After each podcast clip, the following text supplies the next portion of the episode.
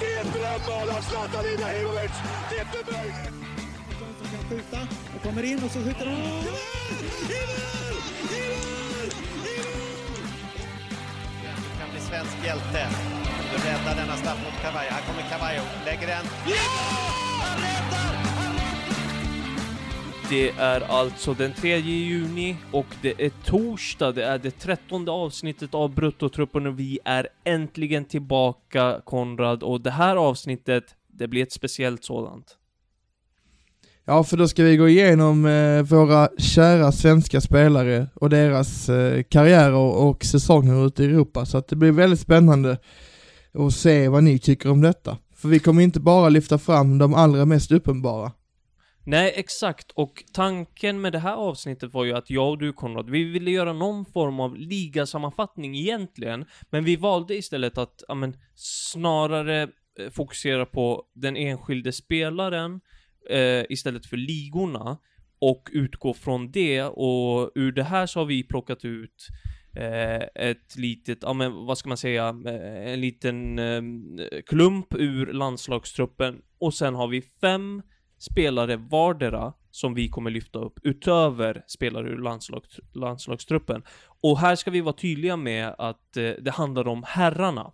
Det handlar om spelare eh, på herrsidan alltså. Och tanken är att vi längre fram ska göra en liknande grej på damsidan också. Ja, precis, för det finns ju en hel del att prata om där. Vi har ju, vi ska inte berätta för mycket här nu, men vi har ju en, en tre, fyra, fem eh, minst landslagsspelare som, som kan komma och byta klubb i, på damsidan. Och sen fler därutöver eh, som är u- precis utanför truppen, så att eh, vi har definitivt saker att prata om där också. Mm. Och en liten spännande grej här idag är ju att eh, vi har en liten egen grej som vi har plockat fram om en spelare också. Eh, där jag har luskat lite grann och fått fram lite info eh, under dagen. Eh, som, ja, men, som vi kommer till lite senare, men jag tänker att ska, ska vi bara hoppa in direkt Konrad och, och, och köra på ur landslagstruppen? Ja men det gör vi, det gör vi. Och där har vi ju Robin Quaison som är först ut, som Robin Quaison som spelar i Mainz till vardags eh, och som för övrigt gjorde en bra landskamp här senast mot Finland. Eh, Robin Quaison har en ganska knackig säsong bakom sig i tyska Bundesliga, får man ändå säga. Ja men absolut, eh, han har ju inte startat alla matcher, eh, vilket man kanske trodde skulle vara väldigt självklart eftersom han var så bra förra året, men uppenbarligen inte, så att man undrar ju vad det är som har saknats. Eh, man har inte sett varenda match, det kan man vara helt transparent med, men förra säsongen blev det ju 12 mål i Bundesliga och i år var det betydligt mindre än så, så att jag menar, det är ändå tufft för Robin här nu. jag tror han kommer att hitta en ny klubb, men han hade kanske behövt en ännu bättre säsong, tror jag faktiskt. Ja, och- och känslan är ju inte att det har brustit någonstans mellan, alltså i relationen mellan honom och tränaren, utan det, det har snarare inte varit tillräckligt bra prestationer från Robins sida. Och därför, när, vi, när man väl har kollat på matcherna så kan man ju stryka under på det att det har inte sett jättebra ut från eh, Quaison. Eh, I alla fall under hösten, där, där gick det väldigt såhär, ja, tama insatser, sa inte jättemycket i och för sig också ett minds som inte är jättelätt att spela i heller. Men här nu under våren har han ju verkligen växlat upp och börjat hitta, hitta in i målprotokollet för minds i säsongsavslutningen och verkligen tog besked inför EM och gjorde som sagt en väldigt, väldigt bra eh, landskamp mot Finland. Eh, och för eh, Robin Quaisons del så har det ju ryktats väldigt mycket om en flytt. Det har tisslats och tasslats om en flytt till Italien och Roma, Konrad. Vad, vad tänker vi kring det? Ja men det är svårt att säga att han, att han skulle gå rakt in i den elvan, men eh, ett Roma med Fonseca tror jag att, att, att han skulle kunna ha en ganska bra roll, men eh, jag vet inte med Mourinho, Det, det är där jag känner att är han verkligen en Mourinho-typ eh, av spelare? Eh, jag tror att han vill ha lite mer av en rak anfallare eller en, eh, eller alltså mycket yttrar och, och mycket anfallare, inte så mycket offensiva spelfördelare eller släpande anfallare. Det är inte hans typ av spelare kanske. Så det är där mitt frågetecken är, men jag tror faktiskt han skulle kunna göra det ganska bra i, i Roma rent generellt faktiskt.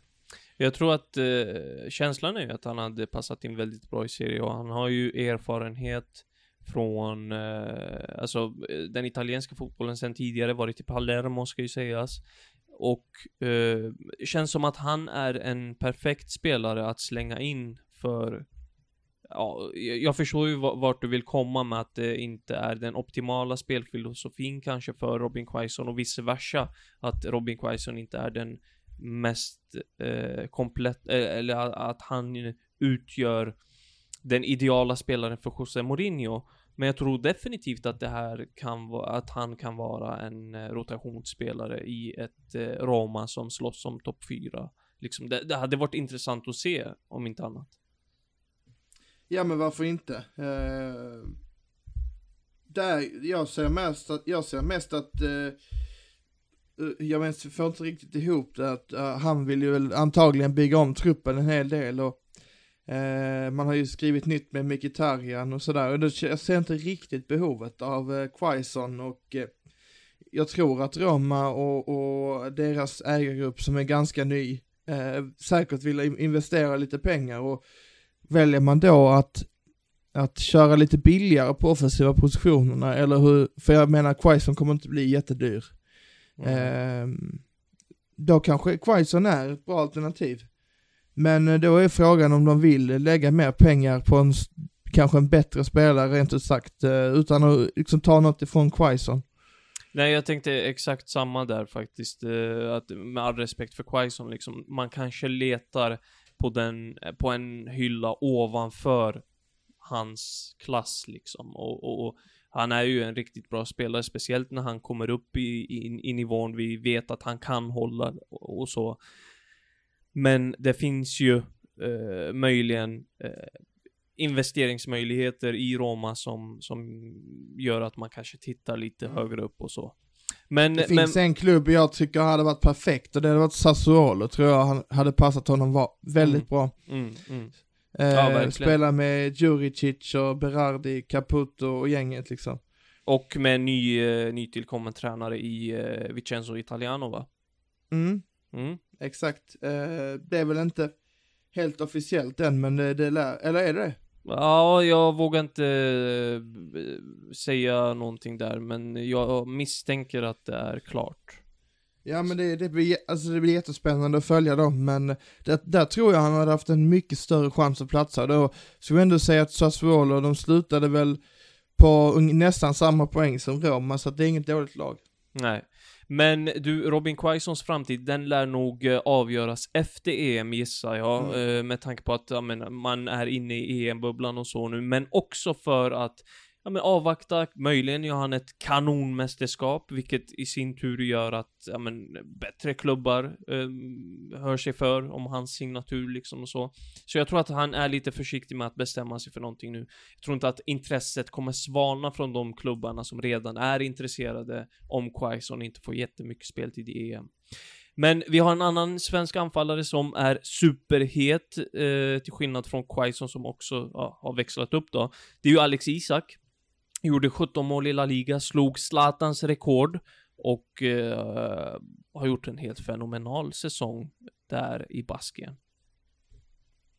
Ja men precis, eh, 17 mål är ju fantastiskt, men det, det som imponerar mest är väl att han, att han verkar vara en anfallare som luktar sig fram till de bästa lägena och står rätt och dessutom springer rätt. Eh, och inte bara att man kan stå stilla som en stor stark anfallare och vara på rätt plats, men att man hela tiden verkar stå rätt, det är väldigt imponerande så att där har vi faktiskt, så där vi har pratat om det länge, men alltså som, som eh, svenska, svenska fotbolls eh, åskådarna, de har alltid snackat om att Isak kan bli hur bra som helst, men nu ser man ju det på riktigt att han kan bli hur bra som helst efter den här säsongen.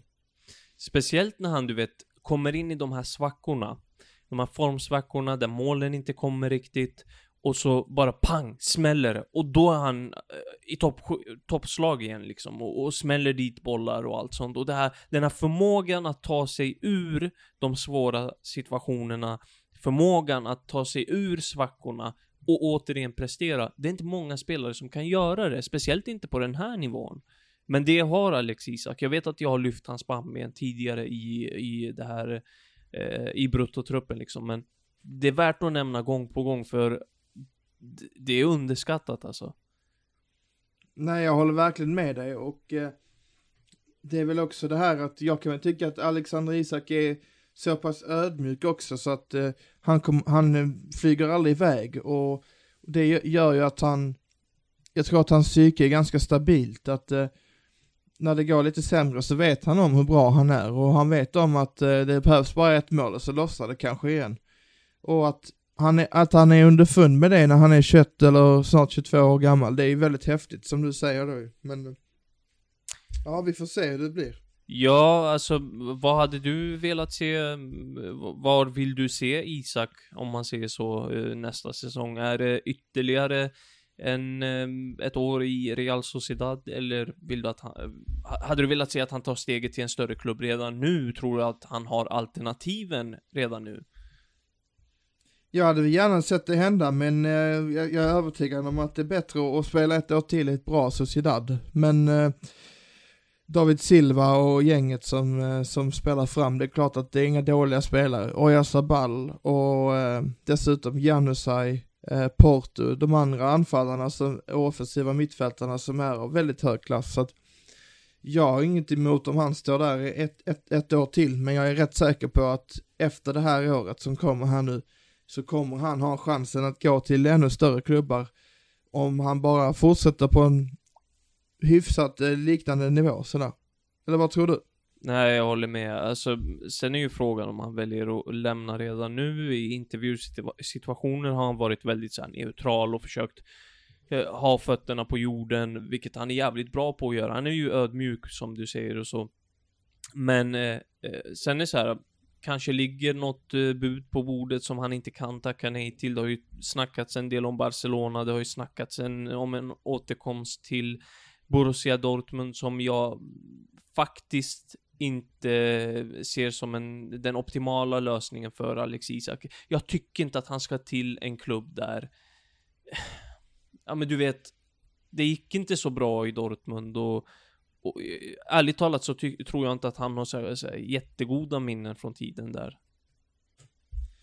Nej, exakt. Så det skulle vara om de säger, ja men du är nästa, du är, eh, om vi säger då att eh, Haaland lämnar, ja men du ska spela i hans position och du ska vara vår startspelare. Du har ingen backup som ska ta din plats, så det är bara att köra typ. Mm, mm. Det är väl då, det är så jag ser honom liksom lyckas i. Ja. För jag, jag tror det är lätt att man, han, han hade väl säkert tufft i Dortmund, vad vet jag. Han pratar ju aldrig om, om sånt där. Men, eh, men jag kan tänka mig att han hade säkert det tufft mentalt i Dortmund. Och jag tror att det är lätt att man hamnar in i den samma, vad heter det, tankemönster, samma gamla, eh, jag vet inte, hjärnspöken mm. när man mm. kommer tillbaka till samma miljöer. Om det inte är så att han startar. Eh, så det finns en stor risk att gå tillbaka. Ja, och alltså nu ska vi inte bli för långrandiga Alex Isak, vi måste vidare och, och, och, prata om andra spelare också, men bara, bara kort för att nämna det så här, gå tillbaka till pannbenet. Jag menar, bara en sån grej att lämna som ung, komma upp som ung i AIK, lämna till, för Dortmund liksom, och, och petas och hamna i frysboxar och allt vad det är. Ta sig tillbaka, göra det jävligt bra i Wilhelmsvaj och sen, du vet, hela den här eh, faderullan med honom och William, eh, William José i Real Sociedad där har varit ut och in ur elvan och, eh, och utbytt i 60 och hela den grejen. Och ändå ta sig tillbaka. Men jag tänker att vi lämnar Alex, Alex Isak där, även om vi fortsätter på anfallsspåret och det gör vi ju med Jordan Larsson i Spartak Moskva. Jordan Larsson som har gjort en riktigt jävla bra säsong i Ryssland. Ja men absolut, och det vi har pratat om honom att vi, vi tycker det är väldigt eh, hårt mot honom att han inte fått vara med, men eh, sen är det ju klart att vi har ju fin konkurrens i landslaget och så, det, vi, det vet vi alla, det är ju ingenting som vi behöver snacka om egentligen, men Jordan är ju faktiskt en eh, speciell typ av anfallare. Så jag tror att eh, nu när han får vara med här nu så kommer han att visa allt han kan när han får chansen. Så att eh, men det blir intressant att se nu om, om det blir en försäljning. Det ryktas ju om intresse så att eh, ja, vi får ju se vad som händer. Men där, jag tror lite som Isak, det är nog ingen, inte dumt att stanna kvar och, och leverera en säsong till. Ja, alltså, han är ju fort, fortfarande ung. Sen eh, så är det så här att med Jordan Larsson så behöver man inte, vi, vi har ju pratat väldigt mycket om hans siffror och så, så jag vet inte hur mycket vi behöver gå in på det här nu. Alla vet att Jordan Larsson nu har gjort en bra jävla säsong och att han möjligen har en större klubb i sig. Frågan är om det är nu eller om det är om ett år. Men vi vet att det finns intresse från Wolfsburg på, på bordet, eller det är enligt uppgifter i alla fall. Och visst hade det varit kul att se honom i Tyskland. Eh, det har ju snackats en del om Celtic också, Konrad. Eh, är det ett steg upp från Spartak Moskva? Visst är det kanske det, men hur stort är det steget? Är det ett eh, är det ett eh, lämp, alltså är det ett, vad ska man säga, är det ett eh, rimligt steg eller bör han ta ett större steg än så? Jag vet inte. Det, det känns som att eh, en mittenklubb i Bundesliga eller något sånt, det hade inte skadat. Nej, exakt. Jag tror ju att eh, Celtic, eh, de är inte vad de var. Eh, speciellt inte jämfört med ett par fem, fem, sex, sju år sedan kanske, när de var riktigt bra Champions League. Uh, jag tror att dels så kommer han säkert att få en uh, mindre lön om han skulle gå till Celtic. Sen tror jag inte att de skulle ha råd att köpa honom heller. Nej. Uh, sen, jag tror det är mer, de där ryktena är nog mer baserade på romantiska principer och premisser. Jag har ju läst mycket om dem också själv, så det är ingenting som du har hittat på, det är inte det jag menar, utan det är ju faktiskt ett konkret rykte i media i Skottland att Celtic är där och hugger, men, men jag tror inte på det. Eh, men, men som sagt, du sa Wolfsburg, jag säger Wolfsburg, det låter bra. Ja. Det, det, är en ganska välskött klubb. Han spelar väl i Champions League nu dessutom, så att det, det hade varit roligt att se. Mm. Lämnar Jordan Larsson där och vidare till Viktor Claesson istället. Viktor Claesson har haft en tung säsong i Krasnodar. Eh, nu kanske jag överdrev lite grann, men det har inte varit den Viktor Claesson som vi har varit vana att se i alla fall, inte för, för, för eh, åtminstone ett år sedan. Och eh, ja, precis som hela Krasnodar har han väl underpresterat. Det är väl det man kan säga.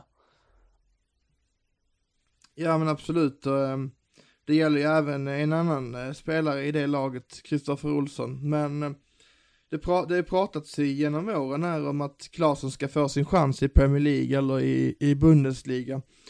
Och eh, frågan är om det inte är dags, för han, för han fyller ju 30 nästa år om jag inte är ute och cyklar, så att det är, det är på tiden i så fall, men jag ser ju att han ska kunna göra det utan problem.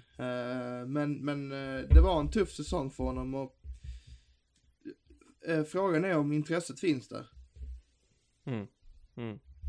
Det lär väl finnas en del på bordet, men eh, du nämnde Premier League och, och eh, Bundesliga. Frågan är om de intressena eh, finns kvar. Eh, för jag är övertygad om att det fanns intresse därifrån i fjol liksom. Det, det, det råder inga tvivel om. Men det är som du säger, finns de kvar? Ta chansen, gör det bara alltså. Jag, jag, jag, ser inte att han kommer ta fler steg i, i utvecklingen i Krasnodar utan han behöver en ny utmaning. Och han behöver en ny tändning. För att inte fastna i det träsket liksom. Eh, känner du ja, att du vill säga något mer om Viktor Claesson eller ska vi vidare till Mattias Svanberg i Bologna? Nej, bara snabbt att jag tror att eh, om, om Claesson startar i EM och gör det bra så kan det bli en, eh, en språngbräda ut till bättre klubbar faktiskt. Mm. Och det, det, där kommer vi väl återkomma till några gånger här i det här avsnittet att EM kommer nog fungera som en språngbräda för många spelare, även de som redan har gjort en bra säsong liksom och, och, och, eh, och alltså redan har presterat. Det blir en extra morot, del, dels för spelaren men också för klubbarna att få ut maximalt betalt liksom så. Eh, efter ett EM. Ett lyckat EM. Mattias Svanberg då, eh, Bologna gjort en, eh, också en riktigt, riktigt bra säsong. Gjorde väl runt fyra mål eller något sånt och hade några assist på kontot också.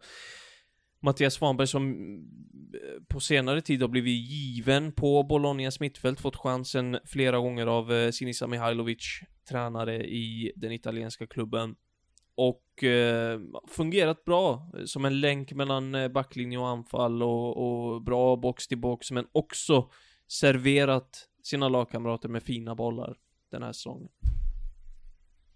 Ja, men det måste man säga och eh, det blir ju intressant att se vad som händer här. Ja, tyvärr så, så lär han kanske inte spela så mycket i EM, eh, men det finns ingenting som hindrar den killen från att gå långt, tror jag. Nej, visst känns det som att Janne har varit tydlig med att äh, Mattias Svanberg kommer inte spela mycket. Nej, och det, det tycker jag är tråkigt för eh, inte minst som en inhoppare då. Jag, jag, jag kan ju se honom som en startspelare, men, men eh, inte given startspelare såklart. Men jag, jag kan se honom i elvan. Men, men eh, åtminstone som en inhoppare, för jag menar han kan komma in och göra, göra jobbet. Han, han är inte orolig för att lägga ner några kilometer liksom eh, när han blir inbytt. Så att jag menar, det vore ju en ganska bra inhoppare också på något sätt under EM. Så att Mm. startar han inte så tycker jag ändå han ska få spela. Ja. Eh, nej, jag håller med dig. Det, det är en, eh, alltså, han kommer ju alltid in med energi, Mattias Svanberg, som, som eh, alltid är värdefullt liksom, så här, under matchen. Både när man jagar poäng, men också när man vill behålla en ledning eller så. Eh, men där lutar det väl mot att det blir byte, inbyten av andra spelare. Eh, jag vet inte hur mycket mer man kan säga om Mattias Svanbergs säsong. Precis som med Alexander Isak och Jordan Larsson. Vi har ju pratat mycket om de här tre spelarna och att de har en ljus framtid och så. Frågan är bara vart de hamnar. Mattias Svanberg, det vi kan säga där är väl att det har snackats en hel del om större klubbar, inte minst i Italien. Sen har han... Ja, Italiens eh, tre bästa lag den här säsongen Ja. har ju pratats om. Inter, Milan och Atalanta. Precis, och det är inga dussinklubbar direkt. Alltså, eh, Nej. det, det, vi, vi pratar om tre av Italiens största klubbar. Två av dem har, är ju historiskt sett de bland de största i världen liksom. Eh, klart jag vill betona det, det vet du väl, eh, efter Ja. flera år av misär.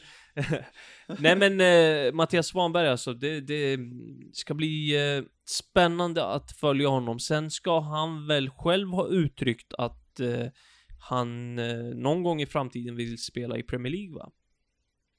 Ja, precis. Han är ju uppvuxen eh, som supporter till Chelsea, så att eh, eh, det är väl inga konstigheter att man har de drömmarna, men alltså egentligen när man, om man backar bakåt ett steg där, du sa med Inter, Milan, Atalanta, så är det ju så att Atalanta söker efter en, en vice till eh, Ma- Martin Deron och eh, vad heter han nu igen, eh, Freuler.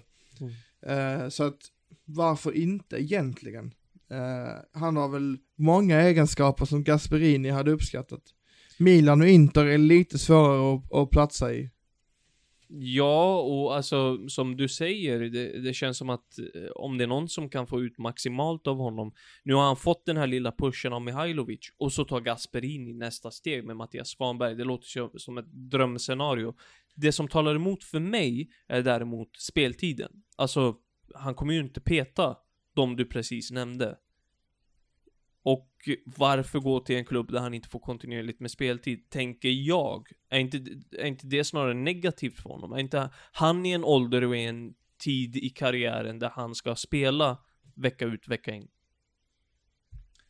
Ja men eh, såklart, eh, att, att gå in med ingångsvärdet att, att han inte ska spela, det är ju inte positivt. Men jag tänker väl att eh, en kombination av två saker, att ett, se och lära, eh, lära sig lite mer om, ja men hur man spelar i topplag och sådär.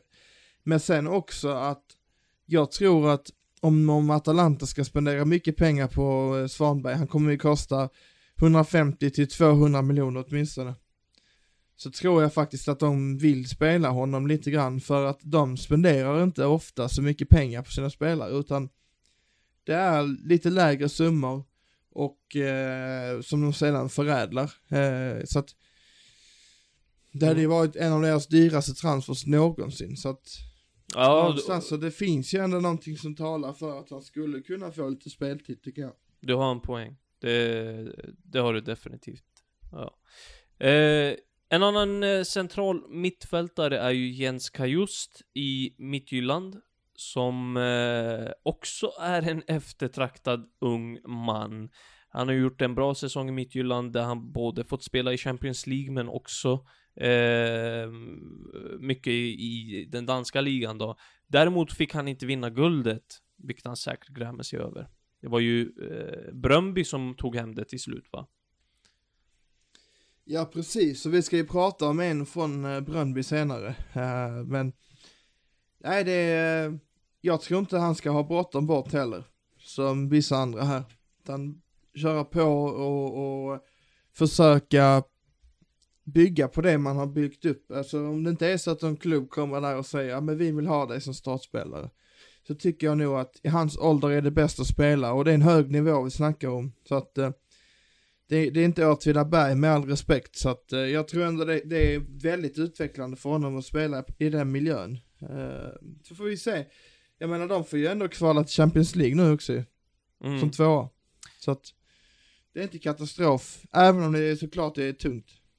Är inte Jens Kajusts spelstil, alltså som ljud, alltså som passar i Leicester som handen i handsken? Känns det inte som en klockren Leicester-värvning? Jo, jo det, det gör det verkligen nu när du säger det. Så han är defensivt duktig, bra med fötterna, fin blick för spelet mm. och, och alltså resolut i duellerna liksom. Så, känns som en klockren värvning för just uh, uh, Leicester. Nu ska ju Thielemans lämna också om inte jag är helt ute och cyklar ryktas ju ganska mycket till Liverpool bland annat. Men det där är en helt annan historia och jag tänker att vi går på nästa spelare direkt istället och det är en försvarare i Ludvig Augustinsson som ser ut att lämna Werder Bremen. Werder Bremen som ramlade ur Bundesliga till Zweite Bundesliga här den här säsongen. Ett Werder Bremen som inte direkt har briljerat på senare år. Nej, det, det känns som att de eh, tappat eh, de åren sen, sen eh, vet du, Marcus Rosenberg lämnade faktiskt. Mm. Så att, eh, jag säger inte ta med det att göra, men det var ju någon form av eh, storhetstid som dog där omkring eh, 2010, 2011 kanske. Du hatar inte att säga att Marcus Rosenberg hade med det att göra. Nej, men det är en bra spelare. Eller var. Det var en bra spelare. Ja. Men eh, nej, såklart det är inte hans eh, det är inte han som var början på slutet direkt, men, men det var i den perioden i alla fall. Och sen dess har man ju väntat på att eh, Bremen ska åka ur. Det är lite som eh, Italien, Genova, eh, lite som kanske Sunderland var i England, vad vet jag. Eh, eh men Newcastle inte, kanske är nu. Schalke var lite också så nu i Tyskland också, alltså blev så till ja, slut. Ja, jag vet det. Så jag menar, de var ju ändå Champions League förra året, eller för förra året. Ja, kanske, kanske. Så det var lite snabbare eh, uh, decline. Ja, men, men vad tänker vi alltså? För mig är det skitsvårt att förutspå en framtid för Ludvig Augustinsson. Jag tycker att han är superduktig och allt sånt och en bra vänsterback och kan passa för många klubbar. Inte minst, jag ser inte, alltså en, en flytt i Championship är inte otänkbar. Och uh, jag kan definitivt se det hända, men ändå är det lite så svårt för mig att förutspå någonting för honom lite oförutsägbart som sagt. Ja, verkligen. Det har ju ryktats om, alltså genom åren, allt från Liverpool till Milan till ja. eh, eh, andra tyska klubbar antar jag också. Att, mm. eh, nej, vi får se. Eh, det finns ju ingenting som, jag tycker inte det finns någonting som talar för att han ska spela kvar. Men eh, jag vet inte heller vad, var eh, Werder Bremen värderar honom så att Ja, det vi får se. Jag, jag tycker det skulle vara en stor skandal om han skulle vara kvar, för det, han är för bra för det. Mm. Nej, jag håller med. Jag håller med. Vi har en spelare kvar ur landslagstruppen Konrad som vi har valt att ta upp och det är Filip Helander som har gjort en fenomenal säsong med sitt Rangers. Vad blev det? Nio insläppta mål eller något sånt. Eh, och man vann ju serien till slut och ju mycket Alltså framgångsreceptet var ju en stabil defensivt, mycket, mångt och mycket. Och eh, en del av den defensiven var Filip Hellander förutom de här sista omgångarna. Eller något. På grund av skada då. Eh, men han har gjort en eh, riktigt bra säsong och ryktas röra på sig. Och där har det också pratats om eh, en del klubbar på de brittiska öarna i Premier League då. Ja precis, och det, är ju, det låter ju helt rätt. Han är ju en, en nu när det som vi har, vi har pratat om tidigare och som du framförallt har lyft fram det här med att han har sett lite valpigare ut tidigare än vad jag nu. Han tar för sig mycket mer och jag tror att den här kaxigheten ut med bröstet, den här grejen tror jag kom mycket i England. Faktiskt, eller i Skottland, förlåt. Mm. Men i brittiska öarna och det, det finns ju ett, ett gemensam attityd där som de alla delar utifrån mitt sätt att se på det i alla fall. Att eh, Filip är ju redo för Premier League rent eh, mentalt och sådär. Så jag är inte rätt person att bedöma om han eh, platsar i Aston Villa eller eh, någon annan klubb som det har ryktats om. För jag är inte superbra på Premier League men eh, utifrån mitt sätt att se på det, jag, jag blir inte förvånad om han klarar att spela i Premier League. Så mycket kan jag säga i alla fall. Okej, okay, jag har sett in i framtiden nu. Helander gör övergången till Brentford och bildar mittbackspar med eh, Pontus Jansson. Och det blir det framtida mittbacksparet i det svenska landslaget. För Vigge kommer lämna United så småningom, gå till en lite sämre klubb och tappa lite grann i den statusen han har byggt upp. Så, så han kommer tappa blir en högerback istället. ja, inte otänkbart. Vi har ju pratat om att det saknas en högerback i det svenska ja. landslaget, Konrad. Ja. Det kanske är lösningen. Titta! Här är jag! Här är jag! Det hade varit sån riktig, eh, det hade varit riktigt såhär boss-move av Janne och flytta ut Viktor till högerbacken. Se det hända! Se det hända säger jag. Ja, nej det här var roligt. Eh, men eh, då får de göra om Godders till defensiv mittfältare så får han skärma av eh, framför de två. Aj, aj, aj, aj, aj, aj, aj. Oj, oj, oj, oj, oj. Nej men jag... Mycket malmitisk kaxighet Jag måste prata, börja prata skånska.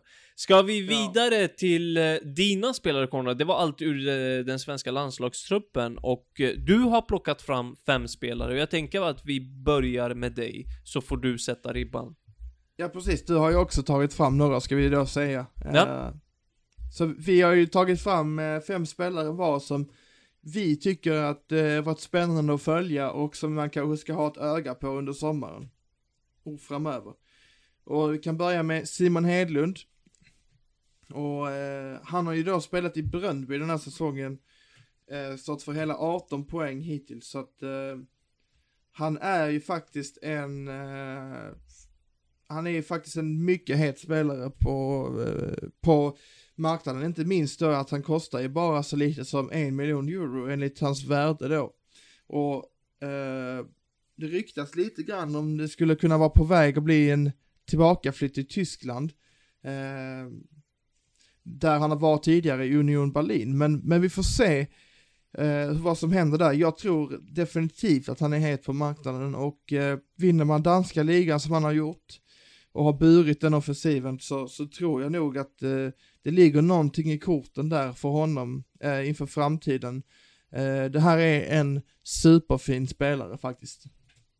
Ja, eh, Simon Hedlund som lite grann ur eh, ingenstans kom fram här och gjorde en bra säsong. Det var inte många som tänkte, ja men ha koll på Simon Hedlund eh, i Bröndby eh, inför den här säsongen. 28 år gammal, Kontrakt till juni 2023, 30 juni 2023, som du ser har ett värde på en miljon euro enligt Transfermarkt. Jag skulle gissa att man får lite mer än så uh, för honom. Uh, nu vid en eventuell försäljning. Och jag tror också på att det blir en försäljning. Intressant med eh, Simon Hedlund är att han har gjort 8 mål, 18 poäng som du säger åtta mål och alla de här målen har kommit i boxen. Fem stycken med hans högerfot, tre stycken med hans vänsterfot. Och eh, som sagt, det här är en spelare som har burit Brömbys offensiv eh, i mångt och mycket den här säsongen. Gjorde fyra mål eh, 2018-2019, fem mål 19-20 och åtta mål i år. Så bara, bara av att kolla på statistiken så ser vi att hans siffror successivt har förbättrats år för år. Och, och ja visst, han hade en, eh, en ganska knackig session i Union Berlin tidigare. Det gick helt okej till en början, men sista säsongen var det dåligt med speltid och så. En ny start och känns som att flytten till Bundesliga är helt naturlig här. Eller? Ja men absolut och eh, alla lag i, i högsta ligorna är ju inte skitbra om man får säga det så.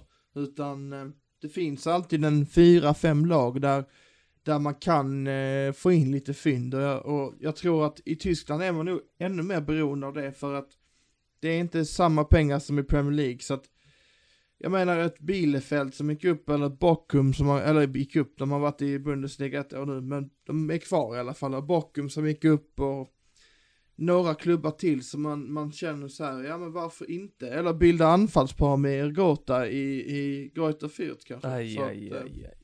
Det ska vi prata om sen. Ja, men, Men det, jag det är menar så det, finns fint alla att vi gör... möjligheter. Jag tycker det är så fint att vi gör de här svenskkopplingarna. Fatta om vi får så här anfallspar och mittbackspar runt om i Europa. Så jävla vackert. Ja men då är det ju liksom prenumeration på Sky Bundesliga framöver i så fall. Du, du har ytterligare en spelare. Som eh, är ifrån den eh, danska ligan som du gärna får plocka upp.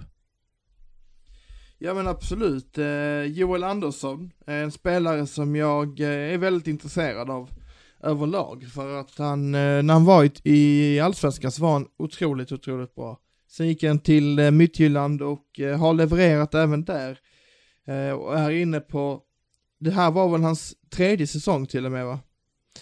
Det stämmer nog. Det låter... Mm, jag, det jag, känns jag är det ganska säker på att det var 18 han kom dit. Så att, eh, nej, det, han har gjort det bra. Eh, de, precis som vi pratade med just, de tappade ju ligatiteln sent. Eh, men Joel Andersson har eh, haft en lite brokig säsong med, med lite skadeproblem och eh, annars är han väl ganska så ordinarie i FC Midtjylland. Eh, men han har ju faktiskt, han är fortfarande ung, han är 24 år gammal, han har ett värde på 2 miljoner euro. Vad tror vi där, eh, Gabbe? Är det inte en spelare som kan vara aktuell för landslagsspel om han nu skulle få ordning på sina skador i och med eh, bredden på lands, äh, högerbackspositionen? Jo men det tror jag definitivt alltså. Han gjorde ju en stark höst. Han, alltså gjorde en riktigt stark höst. Han är en stabil högerback som, som sagt, som du säger, bara behöver få ordning på fysiken. Han är fortsatt ung och har en ljus framtid för sig och kom tillbaka ju här i, i eh, under playoff-matcherna. Spelade 10 stycken och fick en eh, sjua i betyg i snitt då. Och det är inte dåligt. Alltså, det här är en bra högerback vi har att göra med och även om han haft en skadefylld säsong så har han kommit tillbaka och presterat. Eh, och eh, alltså det enda som oroar mig lite grann det är att han eh, crossbollar två stycken till rätt adress på hela säsongen. 8% alltså. Ja, Det- det, kan- är kan det inte vara- bra. Det är, lite, det är lite, lite Micke Lustig mot, uh, mot uh, Kosovo. Ja, och jag undrar om det kan vara korrekta siffror. Jag blir lite så fundersam och, och vågar inte så slå fast att ja, men det är det här ni ska utgå ifrån. Men, men det, det gör mig definitivt lite så här, Mm. ah, aj, eh, vad, vad är det som inte går rätt där? Liksom. Nej men exakt, och han Eh. gjorde bara en, en, en poäng på de matcherna han spelade. Eh, och han är ju van vid att göra i alla fall åtminstone ett par assist och, och något mål kanske. Mm. Mm. Ja. Men du, vad, vad ryktas det om där då? Eh, eh, Blir han kvar eller lämnar han eller vad, vad, och vad tror du är bäst då? Nej jag tror inte det kommer hända så mycket. Jag tror att eh, om man skulle lämna så skulle det nog till och med kunna vara en utlåning i så fall.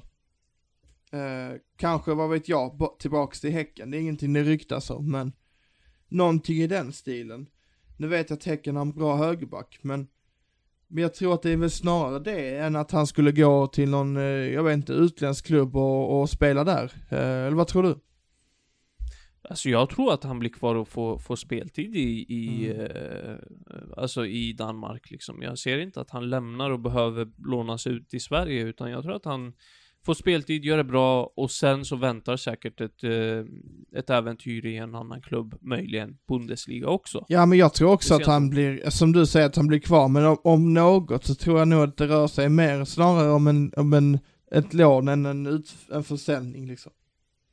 Kanske, kanske. Han har ju ett kontrakt som sträcker sig till eh, den 30 juni 2023 också. Mm. Den tredje spelaren du har plockat ut Konrad är ju Simon Tibbling. Och där blir jag lite, ja, varför? Varför jag har tagit ut honom eller varför det har gått som det har gått. Nej, eh, både och. Både och. Alltså jag älskar Simon Tibbling och det har vi ju pratat om tidigare jag och du. Eh, kanske inte i det här sammanhanget men Både jag och du eh, tycker om honom liksom. Eh, och det verkar vara en riktigt sympatisk, alltså en sympatisk människa liksom. Och allt sånt. eh, men, men eh, vad är anledningen till att du har plockat ut honom? Han har ju inte gjort en eh, briljant säsong direkt. Nej, eh, jag tänkte så här, jag var, men vilka spelare var det som man verkligen såg framför sig skulle lyckas eh, nu under fem, sex senaste, kanske sju senaste åren? Så var, tänkte jag Simon Gustafsson, Samuel Gustafsson, jag tänkte Kalmar-talangerna, Zach Bekidis och så vidare, kanske Hel, eh, vad heter de, Hallberg, eh, bröderna Hallberg. Och sen tänkte jag på Simon Tibbling. För han var ju så jäkla bra i det u landslaget 2015. Jag den rollen han hade ute på höger eh, mittfältet, den gjorde så mycket nytta när vi hade boll, men också när vi inte hade boll. Så var han där och, och gjorde sitt defensiva arbete helt felfritt, oftast i alla fall. Och jag såg ju framför mig att det skulle bära väldigt, väldigt långt. Så därför ville jag att vi skulle prata lite kort om honom då. Ja, och det vi kan säga är väl att eh, först och främst, ja, men det här är en 26-årig spelare som spelar centralt på mittfältet, men också en spelare som kan spela ute till höger som du säger. Han har tillbringat den senaste säsongen i FCM i Holland och eh, är nu klar för spel i Randers i Danmark. Eh, han hade ett år kvar på kontraktet om jag är, inte är helt ute och cyklar. Han har ett värde på 700 000 euro och gjorde bara 1000 minuter i FCM den här säsongen. 12 matcher från start, 15 totalt. Det som imponerar på mig, Konrad, trots att han inte har fått så här jättemycket speltid, är ju att han har haft en passningsprocent på- på 88%. Han har avlossat tre skott på mål. Visst, det är inte, det är inte en så här hiskelig mängd så, men han har ändå haft 75% av sina avlossade skott på mål. Eh, sen kanske det inte säger jättemycket om hur farligt det har varit och vad det har, det kan ju ha varit rakt på målvakten. Men jag menar, det är ändå fina siffror, eller? Ja men absolut, och det bevisar väl eh, mycket vilken spelartyp han är. Så att, nej, jag tycker det är, det är väldigt tråkigt och det, att det inte har lossnat. Jag vill se honom i allsvenskan, eh, men som vi har snackat om tidigare så, så verkar det ju bli något helt annat. Eller det är ju faktiskt inte eh, frågan om tvekan om det sker, utan han kommer alltså att hamna i Danmark nu. Mm. Så är det. Han är klar för Anders och eh, det, det känns som att, alltså det förvånar ju inte riktigt att han väljer en klubb i grannlandet och eh, han har ju tidigare spelat i Danmark i Bröndby va? Och eh, det var ju snack om att han skulle lämna för Djurgården och komma till Allsvenskan och uppfylla din önskan. Men eh, det blev aldrig så.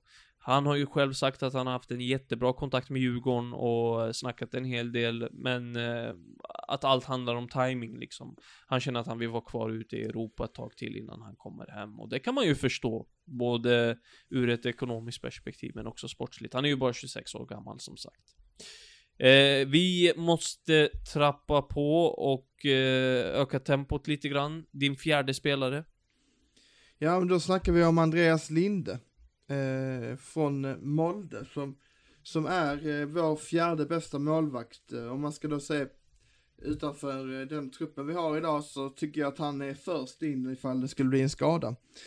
Och han har gjort det bra i Molde eh, generellt över de åren han har varit där. De eh, slog ut Hoffenheim ur Europa League nu i våras och eh, är alltid med i toppen av tabellen. Eh, nu känns det som att eh, de är precis där man kan förvänta sig, kanske lite lägre faktiskt. Och det är en fjärde plats efter sex omgångar. Eh, han var ju också med i u laget som vann EM 2015. Eh, men det kanske inte är det man kommer ihåg mest för Patrik Karlgren spelade. Och, och kollar vi på statistiken så eh, har han då gjort 18 räddningar redan efter sex omgångar, vilket är ganska mycket för ett topplag väl.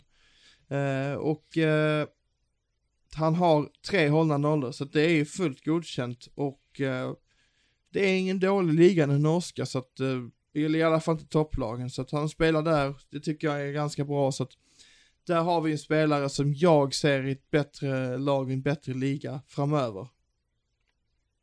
Jag håller med dig till 100% och det här är en spelare som, eh, han är 27 år gammal och är det någon gång han ska lämna så är det väl nu liksom, till sommaren. Det är väl dags att ta en större utmaning. Han har ett kontrakt till den sista december i år eh, och eh, Visst, han kanske fullföljer kontraktet och lämnar i januari, men då är det så här, då är känslan att hur många klubbar har inte redan fixat sina målvaktsposter i januari? Då kommer ju alla ha eh, löst allting liksom. Så ska han lämna för en större klubb så är det väl nu för fan, alltså i sommar. Eh, och den, alltså, min känsla är väl bara att, jag, jag har inte hört eller läst någonting, men den naturliga övergången är väl eh, till Tyskland eller Turkiet liksom. Eh, men, men sen kan jag som sagt vara helt ute och cykla. Han räddade fyra straffar, fyra av åtta straffar i fjol. Och jävligt bra siffror alltså. Mm, ja, verkligen. Eh, det är ju, det är lite som att han är spindeln i nätet när det väl gäller straff, för straffläggningen faktiskt. Så att, eh, nej men mm. det, alltså vi behöver inte prata så mycket mer om Linde, men, men jag vill bara lyfta fram honom som en målvakt som gör det bra där ute och som, som är eh, aktuell för landslaget. Det är jag helt säker på att han är. Mm. Och så din sista spelare som är? Niklas Eliasson. Med eh, två år kvar på sitt kontrakt eh, i NIM, som åkte ur eh, här nu. Han gjorde ju en bra säsong i, i vissa delar, men man kan ändå känna att han har mer i sig. Han har fyra mål och tre assist som facit. Eh, 43% lyckade dribblingar, vilket innebär att han utmanar mycket, men ofta så kanske det, rätt ofta så blir det fel. Så att jag menar, där eh, kan han nog bli bättre. Han har skapat 35 chanser under säsongen och eh, eh stått för 38 stycken nyckelpassningar. Så att det är en spelare som skapar, det är en spelare som ligger bakom mycket.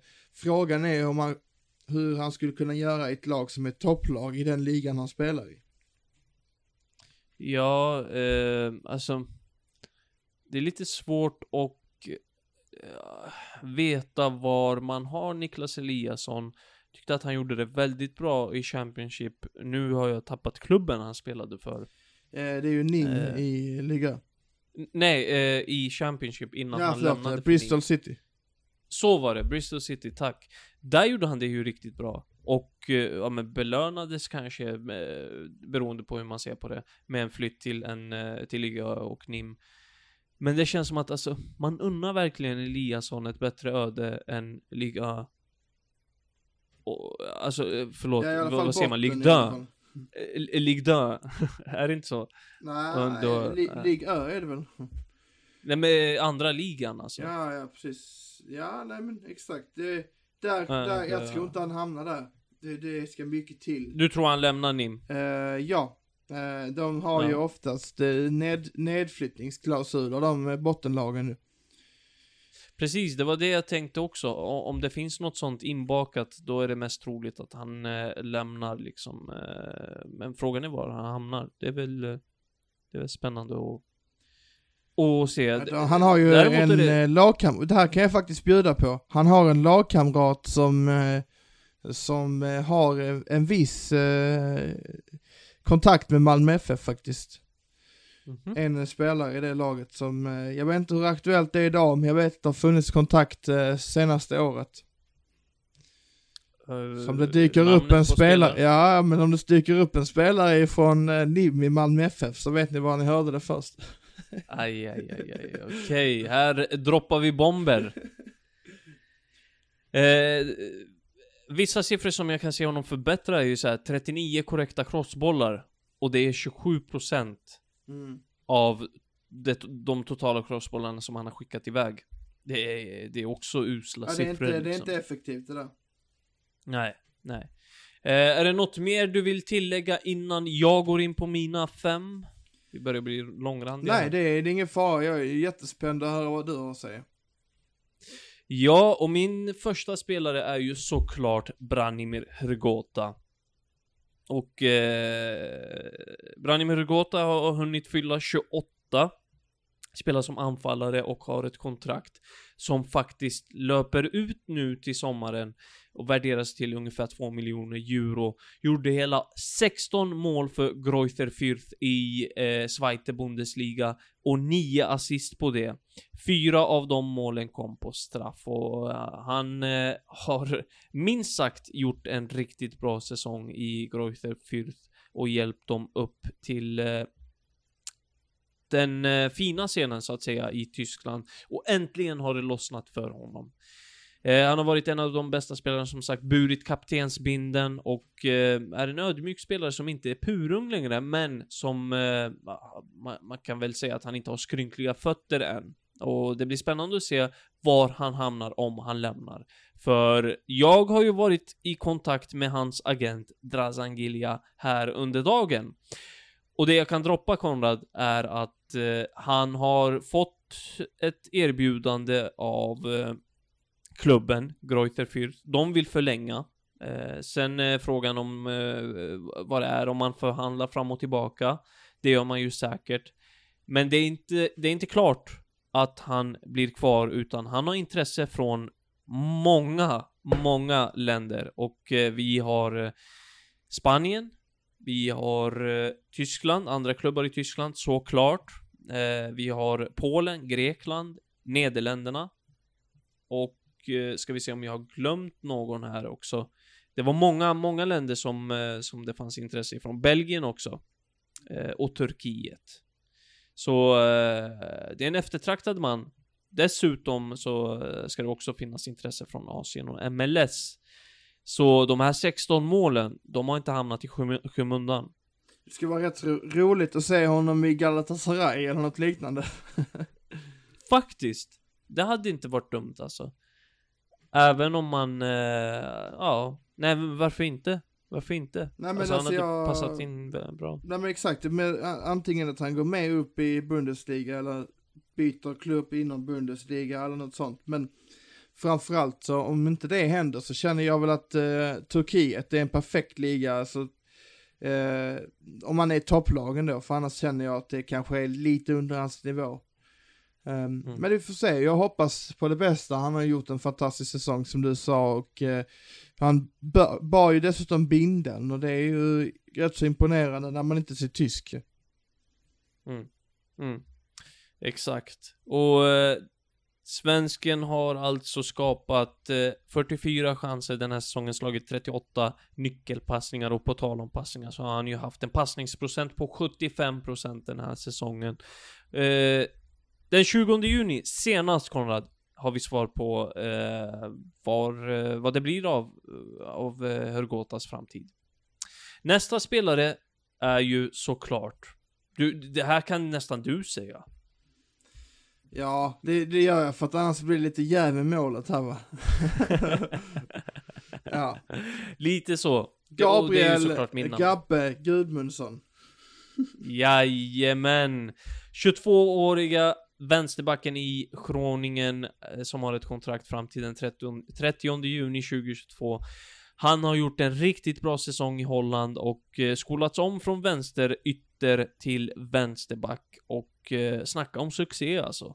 Han hänger gärna med i offensiven och hans vänsterfot är ständigt ett hot framåt i banan och är eh, en spelare som är lojal i, i arbetet liksom och känns som ett, eh, den klara arvtagaren på vänsterbacken i landslaget de kommande åren. En arvtagare som dessutom lär ta tronen till nya höjder, även om Ludvig Augustinsson har gjort en bra säsong, eh, eh, eller många gedigna år i landslagströjan och så. Han har ett värde på 1,8 miljoner euro, Konrad. Gjort fem assist den här säsongen och brutit 16 passningar, rensat bollen 36 gånger. Och har haft en eh, tacklingsprocent på 62%, 31 lyckade tacklingar alltså. Det är ganska Och det bra för ryktas- ytterback det där för att Ja, exakt. många ytterbackar förlorar ju en hel del dueller. Mm. Absolut. Och Konrad, det snackas om en hel del storklubbar. Eller hur? Ja men absolut, eh, Mjällby och så, nej men skämt åsido, det har funnits intresse från eh, Napoli, Leipzig, Juventus, Borussia Dortmund och Manchester City och det känns ju som att det är ett väldigt stort steg men de, de lagen, om de är intresserade, då vet man att de, de har koll. Minst en av de här scouterna har gärna, åtminstone gjort ett gediget jobb. Så att eh, Ja, det om inte annat talar ju för att eh, Gabbe är på riktigt, eh, även på den stora, eh, vida världsnivån.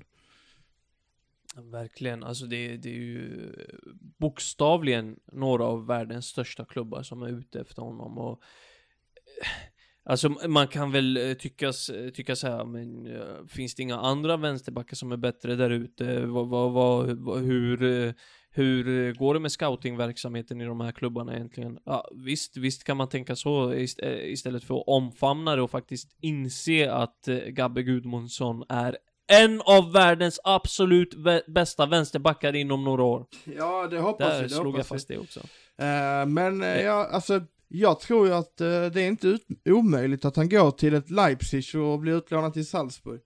Det hade varit något. Nej. Absolut, absolut. Eh, det är ingen dum tanke. Eller så tar han plats i Leipzig också. Vem, vem är konkurrensen där? Är det han Angelino? Eh, ja, exakt, Angelino, men i, eh, i, i Salzburg, det har jag ingen aning, det ska jag vara helt öppen med. Andreas Ulmer tror jag det är faktiskt. Och han är väl Ja. över 30 så att det, nej jag, jag tror att det är bra med en säsong i Salzburg. De är ju Champions League eller Europa League eh, antagligen nästa säsong så att, Då får han känna på den scenen också. mm. Eh, du, nästa spelare är en spelare som faktiskt du är ganska svag för. Och det är 25-åriga Carlos Strandberg, anfallaren, som också har ett kontrakt som löper ut nu till sommaren. Jag har försökt nå honom, eh, tror han har svarat. ja ja, flera gånger. Ja, så många gånger att jag knappt har haft ord eh, och kommunicera eh, tillräckligt med honom liksom. Han har inte svarat alls. Så pass är det. Eh, men han har gjort en jävligt bra säsong. Eh, och han har gjort 16 mål och spelat fram till två. Eh, och jag får lite känslan många gånger så här. Var har man egentligen Carlos Strandberg? För han står för så här fenomenala säsonger då och då och så har han de här mellanåren. Visst, han är, låter som att han är 45 år gammal nu, han är bara 25. Men när han mår bra och hittar rätt, då är han riktigt jävla bra. Men det känns som att det är sällan på senare år. Han är för bra för Allsvenskan. Men för dålig för att lyckas på den absolut högsta nivån eh, i Europa. Håller du med mig eller är jag helt ute och cyklar när jag säger så? Ja men absolut och eh, jag menar det, det är konstigt att se tillbaka på att eh, han spelade i, i Häcken, var så himla bra. Var så nära att skriva på för eh, Prime Borussia Dortmund liksom.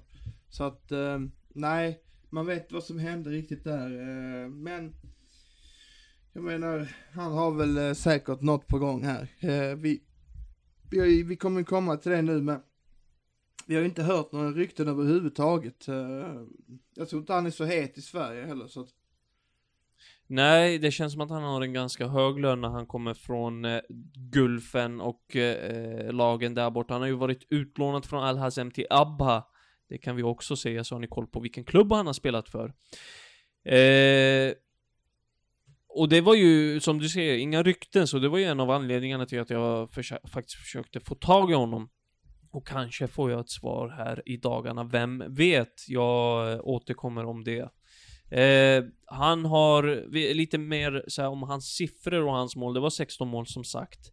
13 av dem har kommit via vänsterfoten, två via högerfoten och ett nickmål. Två av de här målen har varit utanför straffområdet, utifrån alltså. mm. Och han har haft 28 nyckelpassningar och- och 30 skapade chanser. Men det är vår gubbe i, eh, i Saudiarabien, det är det Ja, är det det? Vilken konkurrens. Det är det väl? Det, det, det är inte många att välja mellan men... eh, Chippen. Ja, ja. ja. Det var ett tag sedan. Men eh, vi eh, tar flyget tillbaka till Europa, Konrad, där vi har en svensk som många nog ha- har glömt bort den här säsongen, som faktiskt var i Allsvenskan förra året. Du har ju koll på honom såklart. Och jag pratar om Isak Kiese Thelin. 28 år gammal, fortfarande. Känns som att han har varit 28 i 10 år nu. Eh, anfallare, har ett kontrakt som också går ut här nu till sommaren. Jag, jag tror du märker att jag är lite ute efter de här spelarna som definitivt kommer vara eh, röra på sig till sommaren. Eller definitivt, han kan ju lika gärna förlänga. Gjort nio mål och två assist på 21 matcher. Ett nickmål, två via vänsterfoten och två via högerfoten. Eller förlåt, fyra via högerfoten och sen så står det så här två andra mål. Och, eh, hur man eh, definierar dem, det, det, det är jag inte rätt man att svara på liksom. Nej men precis. Kan vara att han har rumpat in bollen eller något. Men jag, jag tror att eh, det, det, det snackades lite grann, eh, lite tyst i, i, i vintras om att eh, Malmö FF eh, lät, eller ja, de hade inte råd helt enkelt att, att signa Isak. Nu har de råd att signa honom för att då blir, eh, då, då kan de signa honom med eh, någon form av, eh, eh, ja, ja det var någon, någon, lättare med pengarna i alla fall, det var lite billigare att köpa hem honom. Eh, och nu kommer man då alltså inte behöva betala lika mycket i, eh, ja, övergångssumma eller så heller, så att men då säger jag så här Konrad, vill han verkligen återvända hem när han har gjort nio mål i Kasimpasa? I turkiska högsta ligan? Har inte han bättre bud på bordet än Malmö FF med all respekt? Ja, ja, ja, jag vet inte. Det är väldigt svårt att säga. Eh, det hade varit kul att prata med honom om detta faktiskt, men uh, jag, jag ser inte det som omöjligt i alla fall att det blir Ger så. du mig det i uppdrag nu plötsligt? Försök få tag i uh, Isak Kiese. Ja, men Sveriges Television, ni har ju nycklarna liksom. jag gör mitt bästa. Har, har ni ingen korre i Istanbul? Eh, det har vi väl. Eh, men eh, jag är så pass färsk att jag inte har koll på vilka det är i sådana fall. Inga sportkorrar i alla fall. Men eh, du. Nog om Isak Kiese som eh, har gjort en bra säsong i Kasimpasa som sagt och mm, tillbaka som en notorisk målskytt i fotbollen. Det är eh, spelare vi gillar i alla fall, det måste vi säga. Det är det. Det är det definitivt. Bra En annan spelare som vi gillar är Mikael Ishak. 28 år gammal. Anfallare som gjort en succésäsong i Lech Poznan i Polen. Eh, och eh, han har ju ganska nyligen kommit dit. Så det är väl inte så här jätteaktuellt med en flytt. Han har ett kontrakt till den 30 juni 2023.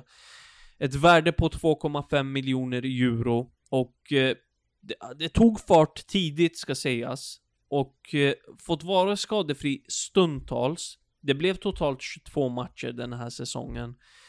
Och det, det är väl inte alla matcher så, och han hade väl önskat att eh, få vara skadefri, skadefri rakt igenom, men så, så blev det. 12 mål blev det i alla fall. En skottprocent på 45% och en mångsidig anfallare som när han väl får förtroendet av sin tränare svarar med succé.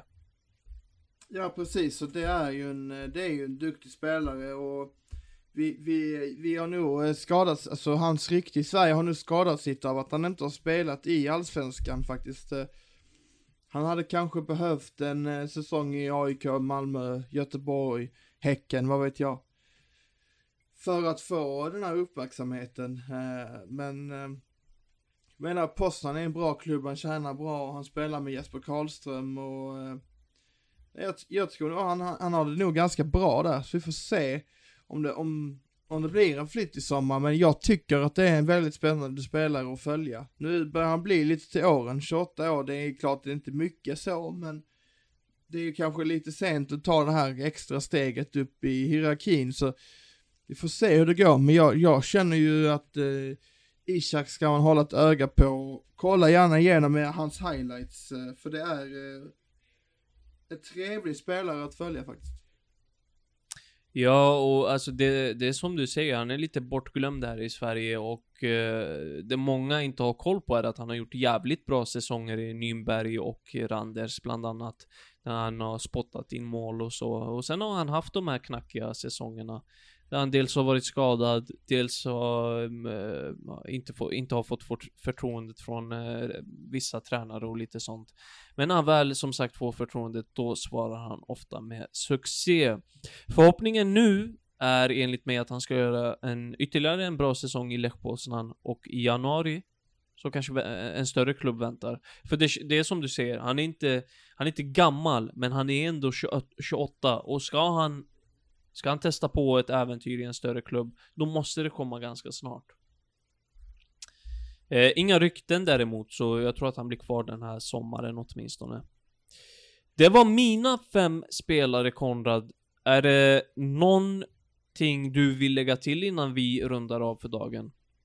Du gillar anfallare, eh, och du gillar ja. spelare som är snabba.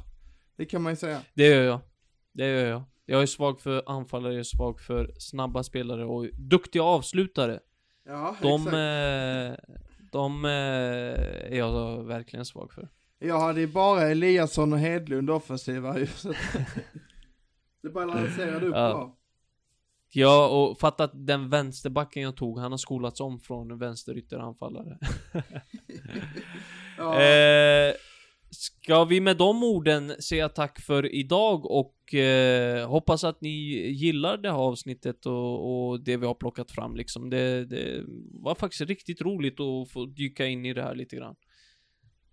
Ja men absolut, det, är, det är väl, eh, det är väl dags nu så får vi eh, klura på om det blir en, en likadan nästa vecka eller om vi skjuter upp den. Eh, men vi kommer i alla fall att återkomma inför EM här nu förra som, äh, förra, nästa vecka menar jag. Äh, så att äh, det kommer bli jätteroligt och sen för är match här eh, ikväll, torsdag, ni kommer ha hört den när ni, eller sett den nu när ni hör den här podden. Eh, för det svenska u landslaget och på lördag har vi då eh, Sverige mot Armenien i A-landslags eh, match. Så att det blir jätteintressant att se faktiskt. Intensiva landslagsveckor framför oss och på fredag nästa vecka, den 11 juni, sparkar EM äntligen igång. Med de orden säger vi tack för det här avsnittet och eh, hoppas att vi hörs framöver. Ha en fin vecka och heja fram Sverige!